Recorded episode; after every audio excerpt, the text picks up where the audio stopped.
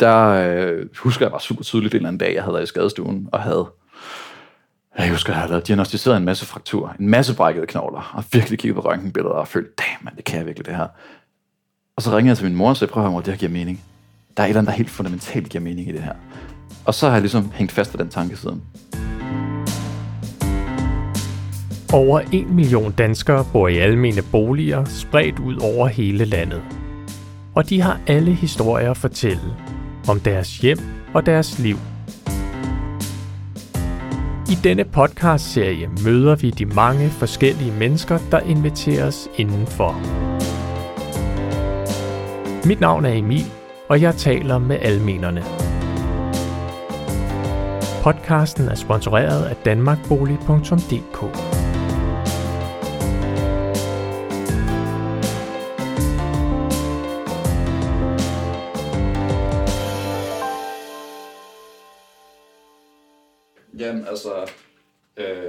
øh, er jo firestemmig a cappella, så det er svært at repræsentere det solo. Men noget af det, som en af de sådan rigtig klassiske øh, barbershop-sange, den hedder Java Jive, handler om sådan, et meget elskværdigt forhold, man har til kaffe. Passer rigtig godt til medicin også. Vi får et meget elskværdigt forhold til kaffe. Også dem af os, der ikke havde det før vi startede med at læse, så får man det virkelig hurtigt. Så, men det er sådan lidt, går i noget retning af I love coffee, I love tea, I love the Java Java and it loves me. Cause coffee and tea and the Java and me, a cup, a cup, a cup, a cup, a doo a doo doo. So slip me a shot from that wonderful mug, and I'll cut a rock till I'm snuck in a jug. Cause coffee and tea and the Java and me, a cup, cup, cup, cup, cup, du har. Hey! det var det fedt. Det lyder virkelig godt. Tak.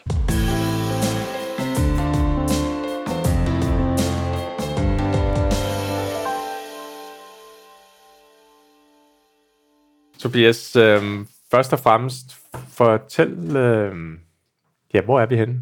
Jamen lige nu der sidder vi i min, øh, i min studielejlighed i kollegiet Skype-parken, som ligger op øh, lige ved siden af TV2 Østjyllands øh, tv-station, op øh, i den nordlige del af Aarhus. Og jeg bor på anden sal, og jeg har sådan en dejlig, øh, vi sidder i mit køkkenbord, og jeg har sådan en dejlig udsigt ud igennem et, et vindue ud over øh, det nordlige Aarhus, med nogle enkelte andre bygninger, man kan se tæt på, og så lidt længere ud, øh, ud mod Lisbjerg, ud i det, i det sneklædte landskab, øh, hvor man både kan se noget, der ligner skove, øh, som stadig er lidt grønne i det nu, og så de hvide sneklædte marker ud mod nord. Og hvad, hvad synes du om at bo alment? Jeg synes, det er skønt. Altså, det er... Øh, der, man kan sige, der, det, det er fantastisk på godt og ondt. Det gode i at bo almindeligt er, at du har en kæmpe organisation, og du har et kæmpe system omkring dig, som værner rigtig meget om det at bo almindeligt. Så der er rigtig mange bekymringer, som jeg ikke har haft gennem hele den her krisetid, for eksempel. Jeg har ikke bekymret mig om min elpris, fordi det ligger fast i min husleje. Min varmepris er fast i min husleje. Mit vandforbrug er fast i min husleje. Det dækket, det er bare dækket ind af sådan et overordnet kollegeforbrug, og det rykker sig ikke på vores husleje. Så, så det med, at folk har gået og tænkt, åh oh, nej, åh oh, nej, åh oh, nej, nu betaler jeg 6 eller 7 eller 8 kroner kilowatt-time. Altså, jeg har en PC, der har kørt næsten 24 timer i døgnet de sidste 10 dage, fordi jeg har læst hele tiden, og det tænker jeg ikke over. Det er rigtig nice at bo i almen, fordi man kan, altså, at vi kan købe energi fra selskaber, som ikke vil sælge til et bofællesskab af seks mennesker, eller lignende. Øhm, og i, i mange tilfælde, så får man også noget socialt af at bo i almindelige boliger. Man kan sige, at det her kollegie er et kollegie af navn, ikke af funktion. Det er ikke det, som folk associerer med et rigtigt kollegie. I forhold til i, øh, i Universitetsparken, der ligger det, der hedder parkkollegierne, hvor man jo bor på gange med fælles køkken og fælles bad og sådan ting. Så altså, der, det er sådan det rigtige øh, stereotype kollega. Hvor her det er mere, at man bor i lejligheder med en rumbog, og, og egentlig lever ret, ret meget for sig selv. Øh, man, øh, og, og, og givet corona, så har det jo også været sådan, folk er virkelig holdt op med at komme i kontakt med hinanden kvæg, at hele det der normale sociale fællesskab, der plejer at være, har det sådan død ud under corona. Men det er stadig fedt at bo, altså almindeligt, fordi at, at man også kan få en mulighed for at blande sig i, øh, i det overordnede administrative arbejde igennem kollegekontoret i det tilfælde her, komme ind og sidde øh, i deres øh, bestyrelser, eller jeg sidder som næstformand øh, af kollegekontorets bestyrelse, og jeg er bestyrelsesformand for mit eget kollega her. Og det er super fedt, fordi en ting er, at man lærer om det danske foreningsliv, Guderne skal vide, det er godt nok rigtig, rigtig meget af Danmark, der kører efter de regler her, så det er virkelig godt at kunne. Men også det er fedt at skrive på sit CV. Altså, det er fedt, at man har de kompetencer, når man går videre ud på den anden side øh, i det rigtige voksenliv, når man engang er færdig med universitetet. Fordi at den slags mennesker, der er, der er klar til at tage en lederpost og kan gøre det ordentligt, øh, og har noget god erfaring, de er altid værdsat. Så det er, nogle, det er, det er rigtig dejligt at bo almindeligt. Fedt. Du har ligesom lavet noget frivilligt arbejde, eller med i bestyrelsen herude. Hvordan, hvordan kom det i stand?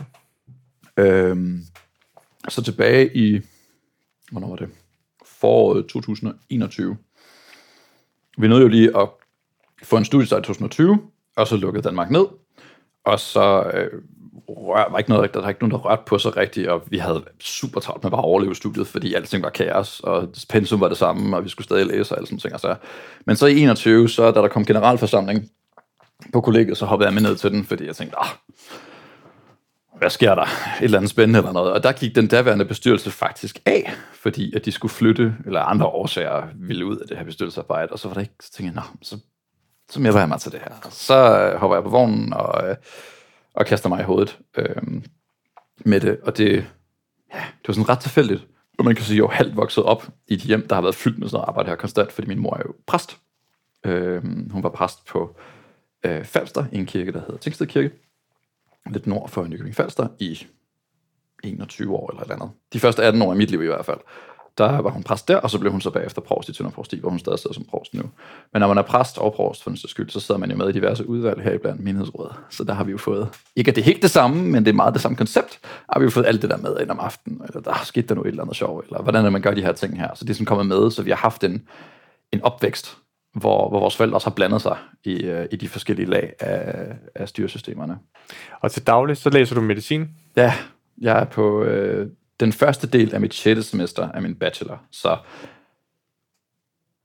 jeg skulle have været bachelor her til jul, øh, men jeg valgte tilbage i maj måned at dele min bachelor i to, øh, eller mit, mit 6. semester i to, sådan ret almindelig praksis at gøre på medicin, fordi det 6. semester, det er rimelig proppet. Jeg vil også gerne lave medicinrevy, jeg vil gerne have tid til at gøre det, uden at skulle øh, gå ned i fire timer om natten i søvn. Jeg ville gerne kunne fungere normalt, og samtidig have det super sjovt. Øh, så jeg kappede et fag af, og farmakologi i det tilfælde her, og rykkede det til foråret. Men jeg er lidt et sort for på det punkt med medicinen, fordi at øh, begge mine forældre er humanister. Min mor som sagt med en kan teol, og min far med en kan med i lingvistik og datalogi, og min bror også med en kan med i dramaturgi. Så er jeg sådan rimelig meget en, en udstikker af det, at jeg så læser en, øh, en, en uddannelse i medicin. Fordi det lå ikke rigtig i kortene. Det lå rimelig meget i kortene efter gymnasiet. Jeg havde planer om at læse en kandidat i, eller ikke en kandidat, en uddannelse i japansk. Fordi det var ligesom den retning, og jeg tænkte, jeg var, jeg var faldet pladask for landet. Jeg havde været der i øh, en, en sommeren mellem 2. og 3. G, og var fuldstændig faldet og lærte at tale sproget og sådan ting. Så jeg tænkte, det var bare mit, mit drømmevej, min drømmevej. Det var bare at gøre det. Men øh, så var der et eller andet reality check, der så så, hvilket karaktersnit jeg fik efter 3G, og sådan jobmuligheder, hvad der var bagefter med en kandidat i japansk, og at man overhovedet faktisk ikke kunne få en kandidat i japansk, man kunne få en reel bachelor. Resten det er noget blandet noget. Så tænkte jeg, ah, må nok lige prøve at læse medicin med det snit, jeg har fået her, eller eller andet sjov. Og så, så var det medicin, det faldt på. Jeg havde også siddet til Dr. House tre uger, før jeg blev student, så det kunne også være det, der spillede lidt ind på det i sin tid. Men herregud. det er simpelthen tre ugers uh, tv-indflydelse, der har, Fuldstændig. der har valgt karrieren. Men altså, man kan se, at første G, der kigger man jo ihærdigt efter, nå ja, man kunne blive det, og man kunne blive det, og man har drømme, og så ser man karaktersnit og tænker, ha, ha, det kommer aldrig til at ske det her. Man kan ikke se sig selv få et snit på 11,5 eller et eller andet på i 3. G, fordi man ikke kan se så langt frem. Øh, og i mit tilfælde, første G, der var jeg, jeg var kommet direkte fra øh, to år på orkester efterskolen, hvor jeg havde planlagt at blive klassisk musiker. Øh, jeg havde planer om at gå ud og blive professionel fakultist. Så øh, jeg søgte direkte ind på MGK, og var kommet ind på MGK i Guldborgsund, og brugte så det første år af 1. G øh, på at pendle til København hver uge og gå til sindssygt meget undervisning og skippe gud ved hvor mange timer. Min fraværsprocent har nok været noget over det almindelige øh, fra gymnasiet, for bare at få det til at hænge sammen. Og det gik egentlig rigtig fint, lige indtil at MGK begyndte at opføre sig mærkeligt. Der blev aflyste koncerter, der kom noget klammeri i forhold til nogle prøver og lignende, hvor det hele bare synes om sådan at blive ved med. Øhm, og så sagde min, en, en af mine undervisere til mig, at de folk, der bliver de dygtigste professionelle, det er de folk, der ikke kan, og de folk, der ikke vil andet end musikken. Og der vil jeg for, der kan, der vil jeg for meget andet. Men det instrument, en fagot, ja. altså jeg, jeg er overhovedet i tvivl om, hvordan man udtaler det. Det, det er ikke noget, de fleste ligesom kender. Hvordan samler man sådan et op? Åh, oh, altså, jeg er egentlig saxofonist fra start. Øh, mine forældre sagde, at det er en af de eneste sådan, så at sige, øh, gange, vi har været udsat for tvang, mig og min bror, øh, i godsøjne tvang. Fordi vores forældre sagde så fint til os, at øh, I skal spille musik. Vi er ligeglade med, hvad I spiller, men I skal spille musik. I nogle familier, der skal man gå til sport, i andre familier, der skal man gøre et eller andet tredje. Hos os, der skulle man spille musik. Så min bror, han blev violinist og spillede bratsch og sådan ting, og, så, og jeg sejlede lidt rundt i hvad verden, jeg skulle få tiden til at gå med, og så begyndte jeg at spille saxofon. Det gjorde jeg så en årrække, jeg tror, jeg begyndte, da jeg var syv, et halvt eller et eller andet. Og spillede så indtil jeg var 11, og så begyndte jeg på at spille fagot, fordi min bror, han gik, han gik også på orkester efter skolen. Han er fire år ældre end mig. Så han var lige et stykke længere fremme. Og da jeg ligesom så, hvad han lavede på den efterskole, så tænkte jeg, det der, det, det, det, det er rimelig fedt. Svært at forestille sig, at når man er 11 år gammel, at flytte væk fra sine forældre og bo væk fra dem. Men til trods for det, så tænker jeg, det er rimelig fedt, det der. Det vil jeg gerne. Det store problem med orkester efterskolen dengang var, at de accepterede ikke folk, der ikke var klassiske. Og så tænkte jeg, at jeg ville begynde at spille obo. Øh, fantastisk dejligt, smukt instrument, som ofte har sådan nogle rim, rimelig solistisk karakter i symfoniorkester sammenhæng, og har en af de smukkeste klang, der findes på den her jord, synes jeg. Øh, der var ikke nogen obolærer på Falster, øh, så, men der var en fagotlærer, lurer mig. Øh, en nordmand, der var flyttet fra Stavanger til Falster, han spillede med i Storstrøms Kammerensemble. Så gravede, man, så gravede de en godt frem, og så hoppede jeg ind, og så var jeg jo solgt med det samme, da jeg begyndte at spille på en her show. Og der er oftest, oftest altid brug for en fagotist. Så det var jo rimelig lækkert øh, på orkester efterskolen, at jeg skulle til at slås om at få en plads, fordi vi manglede en fagot. så hvorfor ikke lige hive en fagotist ind? Jeg blev tilbudt til, altså jeg skib, endte, endte med at skifte 8. klasse, fordi at de manglede en fagotist. Jeg var skrevet op til 9. Og så fik vi bare en mail, om jeg ikke nok kunne starte lidt tidligere, fordi de manglede desperat en fagotist. Fordi en af de ting, man gør på ork, det er, at man spiller symfoniorkester. Så der havde, ikke, der havde de havde ikke nogen fagotter så må man jo kigge igennem kartoteket og se på, kan vi hive en eller anden op? Og det kunne man så så, men fordi jeg havde ikke travlt med at, at blive på den skole, jeg gik på. Ikke at jeg havde det nederen der, men jeg havde det ikke. Det var ikke sjov. Det var meget sjovt, jeg ville bare heller bare langt væk, og så kom komme i gang med efterskole i stedet. Det var helt, helt vildt fedt. Og fortæl om den her efterskole, for det lyder jo som et lidt specielt sted. Hvad er det for et efterskole? Øhm, Orkesterefterskolen er en efterskole, der ligger i Holstebro. Den ligger ude i øh, Biskov Mark. På Aarhus var det meget med, at musik fyldte en hel del. Så mandag, der havde vi fælleskor. Udover selvfølgelig almindelig undervisning, så havde vi fælleskor. Og øh, tirsdag, der havde vi, øh, der med fælles aktiviteter, fælles aktiviteter, der havde vi husrengøring og sådan ting. Altså onsdag, det var en skolefri dag. Der havde vi fuldstændig, der havde vi ren musik. Så om morgenen, der ville jeg have solosangundervisning. Jeg tog nogle år med noget operatræning. Og så øh, havde jeg klaverundervisning, og jeg havde solo for godt undervisning. Og så havde vi symfoniorkesterprøve om eftermiddagen. Og så om aftenen havde vi værklytning. Der gik vi alle sammen over i øh, hørsalen, og så sad vi der og for eksempel lyttede til Carl Nielsens tredje symfoni af øh, og snakkede den så igennem musikteoretisk, og, og lyttede til sådan, okay, fra forsering og bevægelse, og den her retning kan vi gå i med sådan og sådan, sådan. Der havde vi en af vores øh, musikteorilærer, jeg tror det var ofte Nils Tilma, øh, som gennemgik værk, værklytning med os. Og hvad så? Så kommer du i gymnasiet, hvorhen? Jeg gik på gymnasiet på Nykøbing F. Katedralskole. Sådan en klassisk matfys hvor jeg havde matematik, engel, matematik på A-niveau, og så hævde jeg så engelsk og fransk op på A-niveau også, for at forsøge på det tidspunkt at tage den bredest mulige linje. I første G var det, det var tiltænkt, at det her, at gymnasiet skulle være min backup plan, hvis MGK og Konsum fejlede. Så nu, konservatoriet. Konservatoriet selvfølgelig, ja. Øh, og, og nu valgte jeg så selv at afbryde MGK, så øh, hvad hedder det, gymnasiet gik meget hurtigt fra at være en backup plan til at være ligesom plan A. Men der, øh, med det i mente, så valgte jeg den, den linje, der ville give mig adgang til mest muligt. Du må have fået et rimelig godt snit for at komme ind på medicin, eller hvad? Ja, jeg endte med et snit på 11,2, tror jeg nok i sin tid. Okay. Så, men jeg tog de første to år af, mit, øh, af min gymnasieuddannelse på Falster i Nykøbing, og så flyttede vi til Tønder. Og det var også for det bedre, fordi at mit karaktersnit steg betragteligt, da jeg flyttede gymnasiet. For der var nogle enkelte fag, hvor jeg nok bare havde brug for en, en, en, hvor en anden undervisningsstil, var det, der gjorde forskellen. Det var, det var super fedt at slutte af dernede altså, der var en masse anderledes traditioner, og det hele taget Sønderjylland er jo et markant anderledes sted. Men øh, så var det ikke, ikke, ikke en dårlig ændring fra Falster. Det var ærgerligt at komme langt væk fra København, for det er rigtig meget af mit netværk og familievenner og sådan så det bor ikke, de er i København og på det, og i det område. Så det var selvfølgelig lidt mere sådan et, et break. Jeg spillede også i, jeg var fakultist, jeg var anden fakultist i Dusika, de unge symfoniorkester i Københavns Amt. Et meget gammelt navn for et af af Danmarks øh, top ungdomssymfoniorkester, som jeg spillede i på et tidspunkt. Og det var lige pludselig rimelig langt at pendle fra Tønder til København en gang om måneden, for at spille en weekendprøve med dem. Det var stadig super fedt, men det var nogle meget lange weekender nogle gange. så øh, ja. Og så flyttede du direkte til Aarhus, eller hvad? Nej, altså jeg, jeg kom jo ind på medicin, øh, men jeg fik vinterstart. Så jeg sad øh, til en undervisningsteam i Japan, øh, i Fukuoka, en, en by i det sydvestlige Japan. Øh, og så fik jeg så mit, øh, mit acceptbrev fra universitetet. Så stod der så også, at der var vinterstart, så nu skulle jeg lige pludselig få et halvt år til at gå med et eller andet. Jeg søgte højskolen med det samme. Jeg tænkte, det kunne være sjovt. Tilfældigvis så kendte jeg så også forstanderen af den givende øh, højskole, det var Bornholms Højskole, som har været, havde været den tidligere musikskoleleder på den musikskole, jeg gik på på Falster, Guldborgsund Musikskole. Han var så blevet forstander på Bornholms Højskole i stedet. Øh, så det tænkte jeg, okay, det går, det går nok meget godt. Det var nok bare ikke, hvad jeg forventede det. Så jeg blev der en måneds, måneds penge cirka, og så rykkede jeg hjem igen. Og så hjalp jeg min far med at bygge øh, musikinstrumenter i stedet. Og slappede af. Fik kølet hovedet lidt ned ovenpå det. Altså fik, fik forsonet mig med tanken om, at nu skulle jeg faktisk ud og være læge på den anden side. Det skulle man lige forsone sig med. Så byggede jeg instrumenter i mellemtiden min far. Det var meget hyggeligt. Og hvad, hvad er din drømme i medicinstudiet? Du snakkede noget om akutlæge eller børnelæge. Ja, altså det er svært at vide præcis, hvad man vil, når man, når man bliver præsenteret for så mange muligheder, som medicin giver en.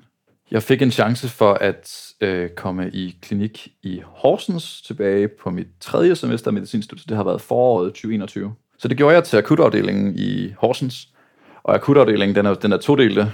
Rigtig mange kender skadestuen. Au, jeg har skåret mine fingre, jeg skal ind sys. Klassiker. Og, og så er der dem, der bare bliver almindeligt dårlige. Altså folk, der lige pludselig besvimer i et tog.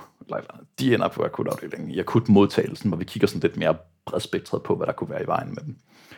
Øh, og der øh, husker jeg bare super tydeligt en eller anden dag, jeg havde været i skadestuen, og havde jeg husker, jeg havde diagnostiseret en masse fraktur, en masse brækkede knogler, og virkelig kigget på røntgenbilleder og følte, damn det kan jeg virkelig det her. Og så ringede jeg til min mor og sagde, prøv at høre, det her giver mening. Der er et eller andet, der helt fundamentalt giver mening i det her. Og så har jeg ligesom hængt fast ved den tanke siden. Og nu, nu læser du medicin og sådan noget. Du har holdt fast i musikken. Altså, musik har, selvom, selvom at jeg fravalgte det professionelle tilbage i første G, så er hele tanken om at blive musiker, eller om at have musikken som en del af mit liv, den har altid været der. Fordi jeg synes, musik er noget af det mest magiske, øh, vi har på den her jord. Og, og det er noget af det, som bruges alle mulige steder, hvor vi ikke nødvendigvis tænker over det længere, for vi er blevet så vant til, at der er en eller anden form for baggrundsstøj, men der er altså ingen, der har siddet og skrevet det her. Der er ingen, der har siddet og tænkt, vi skal have dig til at føle sådan og sådan og sådan. Så det kunne jeg ikke rigtig slippe på, og det vil jeg heller ikke slippe på. Fordi at man kan også man kan blive en stjernedygtig amatørmusiker. Man kan jo øve, når man har lyst, og man har ikke det pres, at ens liv afhænger af, hvor meget man føler for at øve længere. Men jeg tog meget hurtigt øh, sang med mig. Øh, både gennem det, at jeg fik sådan et, et bidjob, mens jeg boede i Tønder som kirkesanger, vikar. Øh, og så min bror, han var med i et kor, der hedder Barbaros. Barbaros Barbershop Chorus, tror jeg, vi kalder os øh, på Facebook. Øhm, hvor han sagde, at det skulle jeg da sandelig være en del af, når jeg flyttede til Aarhus. Og det blev jeg så, øh, da jeg så flyttede herop i januar, der gik jeg til optagelsesprøve og kom ind, og så begyndte jeg rimelig hurtigt bare at synge med dem, og have sådan faste øvninger, og så blev det ligesom musikken, den faste musik. Og ligegyldigt hvor, om hvor lille en kirke eller sal og sådan ting, altså vi er i, så det er altid bare fedt altså, at stå og synge noget sjov. Og barbershop er jo en mega nice genre, hvor man får en masse skæve akkorder, masser af jazz og masser af altså, nogle virkelig flotte, flotte, flotte harmonier, øh, som bare Ja, nu siger du kirke, men hvor spiller I hen? Jamen altså, vi har lige haft koncert i tirsdags, der havde vi vores dobbelt julekoncert i Skjoldhøj Kirke. Det er en kirke, der ligger ude i det vestlige Aarhus. Og ellers så har vi haft, vi, var, vi havde koncert i Uldum Kirke øh, ugen før, for en uges tid siden cirka, og så har vi haft koncert i ja, diverse kirker landet over. Øh, men ellers så er koret, en af vores primære mål, det er at deltage i, vi er konkurrencekor, så vi dyrker rigtig meget sport, eller ekstremsporten at, at synge konkurrence, konkurrencesang. Og det gjorde vi her blandt andet i foråret. Der tog vi til noget, der hedder SNOPS, som er, hvad er det? Society of Nordic Barbershop Singers Championship, tror jeg nok, det står for. Så det er de nordiske, nordiske, nordiske mesterskaber i barbershop-sang. Der tog vi til øh, mesterskaberne der, og det var så også kombineret med de europæiske mesterskaber. Corona, yada, yada. Så det var blevet et stort event deroppe, og så vandt vi anden plads for, øh, for, øh, hvad hedder det nu, bedste herrekor i barbershop på, øh, i Europa-konkurrencen og i den nordiske konkurrence. Fedt. Så hvis jeg lige tæller sammen, så har du et medicinstudie, som må være et af de mest læsetunge studier i Danmark. Ja. Så er, er du formand ja. for kollegiet herude. Yes. Så har du en barbershop. Mm. Og hvor mange timer har du i døgnet? Sådan? Ja, altså, jeg plejer, jeg, for, jeg forsøger altid at have de 24, men nogle gange så ville jeg ønske, at jeg havde lidt flere. øh, det var alt sammen op og ned i perioder. Altså lige nu, der, er det, der, der synes jeg, at det her er helvede på jord. Fordi at jeg læser op mod 10 timer om dagen for at få hele pensum ind under huden, sådan, så man bare lige kan tage det hele, og så kaste det op ud over eksamenspapiret, bed til man svarer rigtigt. Når der ikke er eksamenslæsning, så er der jo en masse andre timer, man skal få til at gå med et eller andet andet. Og jeg har bare svært ved at sidde stille, tror jeg. Jeg synes ikke, det er særlig hyggeligt at bare sidde og sådan indendørs og tænke, hvad skal jeg få tiden til at gå med? Og når du så en dag bliver akutlæge eller sådan noget, vil du så stadig have musikken med dig på en eller anden måde? Ja, det vil jeg da. Altså, jeg tror ikke, Øh, jeg tror, jeg har lidt samme forhold til det, som jeg havde til det med det japanske. Øh, I det, at japansk vurderede jeg meget hurtigt, efter at have lært at tale sproget, at man kan blive dygtig til japansk på aftenskoler, sprogskoler og sådan ting. Altså at tale det flydende, rejse, have det mega sjovt. Og, og være sådan lidt en, en hjemmefilolog af en art. Og så kan man være professionel læge. Men man kan ikke være læge på aftenskole med et par timers kyoki-kursus, og så skulle ud og hygge sig med at sy folks fingre, og så være japansk filolog. Den går ikke rigtigt. Og jeg tror det samme med musikken, at man kan sagtens være en stjernedygtig amatørmusiker og have det super fedt med at lave musik, øh, stopper hernede, og så, og så være en dygtig læge samtidig. Altså, lærerne er jo kendt et eller andet sted for, at work hard, play hard. Så hvis, vi har det jo sjovt med det, vi laver på den anden side. Så det tror jeg helt klart kommer til at følge med til evig tid. Altså, lige indtil mine fingre og min stemme giver op i hvert fald, tror jeg, der stadigvæk kommer til at spille musik. Utvetydigt. Fedt. Og lige her til sidst, hvis, hvis andre ligesom går og tænker at flytte i almen, som du gør her, ja. øh, hvad vil du så sige til dem, kontra måske at få et, et mere traditionelt studiebolig? Hmm. Når du bor i en almen bolig, bekymrer du dig generelt mindre om din boligsituation. Altså, øh, der var perioder, hvor jeg kiggede meget på, øh, for eksempel at flytte et bofællesskab, et eksternt bofællesskab, bare fire mennesker, der leger en lejlighed eller eller andet. Og der er altid den der farlige med, el og et eller andet andet regnes i kvartalet, eller et eller andet sjov, man skal tænke, åh oh, nej. Så når der kommer den der kvartalregning der, hvor meget mit budget springer sig. Øh, især hvis man lever alene på sin SU, som jeg primært har gjort et godt stykke tid. Øh, så det med at bo i en almindelig bolig, der har du et meget fast budget. Du kan budgettere ret, sådan, ret stabilt med, okay, det koster så og så meget, og jeg kan arbejde med så og sådan her, og sådan ting og sager, og der er nogen, der tager sig af den almindelige vedligeholdelse af stedet er der et eller andet, der springer, er der en eller anden vask, der knækker, er der en eller anden tredje, fjerde, femte ting, så er der kan opstå, så ringer man efter varmemesteren og siger, prøv her, øh, nu sådan og sådan og sådan, og så kommer der nogen og fikser det. Fordi det er sådan, det er med en almindelig bolig. Så der er færre bekymringer. Så, men, men jeg vil sige, at man kan, altså, alle mine boliger, de dækker rigtig godt over alle slags personer.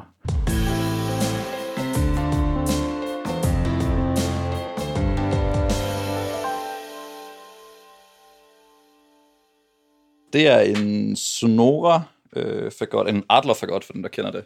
Øh, så et tysk mærke. Den er rimelig dejlig at spille på, og jeg fik den renoveret hos en tysk fagotbygger i Hamburg for nogle år siden.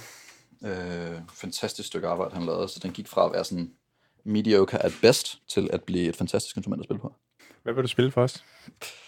Øh, og sådan en klassisk en, det er jo sådan i Doverkubens Hal, eller eller andet, hvad hedder den? Hall of the Mountain King, tror jeg, de fleste kender sådan et rigtig nytårsstykke eller noget, ikke? Men det